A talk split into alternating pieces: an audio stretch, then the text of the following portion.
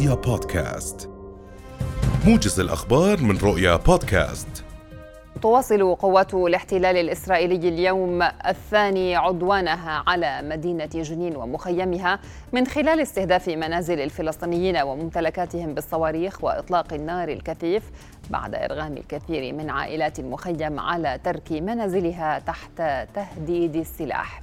هذا وأعلنت وزارة الصحة الفلسطينية العثور على جثمان شهيد صباح اليوم في مرج بن عامر ما يرفع حصيلة العدوان الإسرائيلي على جنين إلى عشرة شهداء وأكثر من 100 جريح بينهم عشرون بحالة خطيرة. أجرى وزير التربية والتعليم زيارة تفقدية لقاعات امتحان التوجيه اليوم للاطمئنان على سير الامتحانات بكل سلاسة ودون حدوث أي معوقات. وتقدم للامتحان في جلسته الأولى في مبحث التربية الإسلامية 145458 مشتركا ومشتركة في ورقة امتحانية موحدة لكافة فروع التعليم الأكاديمي والمهني. أفادت مديرية الأمن العام أن إدارة مكافحة المخدرات تعاملت خلال شهر حزيران مع 593 قضية تجار وترويج لمواد مخدرة ألقي القبض خلالها على 1098 شخصا ما بين تاجر ومروج لمواد مخدرة منهم أشخاص مصنفون بالخطيرين. إذ جرت إحالتهم جميعا لمدعي عام محكمة أمن الدولة.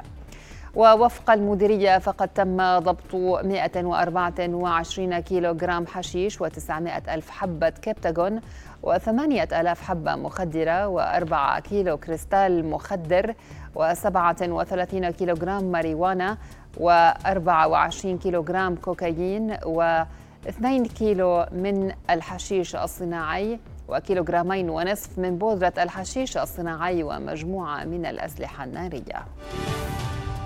قال ممثل قطاع المركبات في هيئة مستثمري المناطق الحرة الأردنية جهاد أبو ناصر إن التخليص على مركبات البنزين تراجع 20% في الأسواق المحلية خلال النصف الأول من العام الحالي.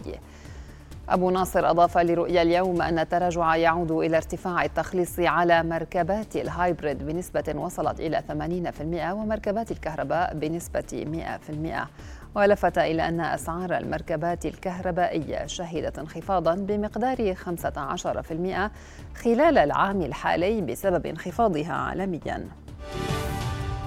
بلغ عدد سكان الأردن حتى منتصف العام الحالي 11 مليون و400 ألف نسمة وفق الأمين العام للمجلس الأعلى للسكان عيسى المصاروي مشيرا إلى أن ثلثهم على الأقل لا يحملون الجنسية الأردنية.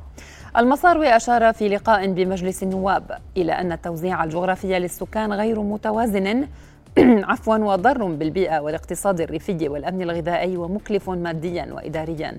موضحا أن 8% فقط من السكان يسكنون في النصف الجنوبي من المملكة بمحافظاته الأربع بينما يسكن 92% في محافظات الوسط والشمال. تشهد العاصمة السودانية الخرطوم اشتباكات عنيفة بين الجيش السوداني وقوات الدعم السريع وسط تحليق مكثف للطيران الحربي وقتال في الشوارع بالمدافع والأسلحة الخفيفة. هذا وتعرض وسط العاصمة الخرطوم ومنطقة بحري الواقعة شمالها لقصف مدفعي مصدره أم درمان التي ذكر شهود عيان.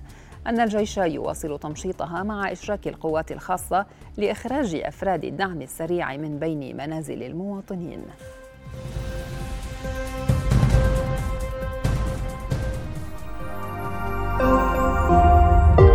رؤيا بودكاست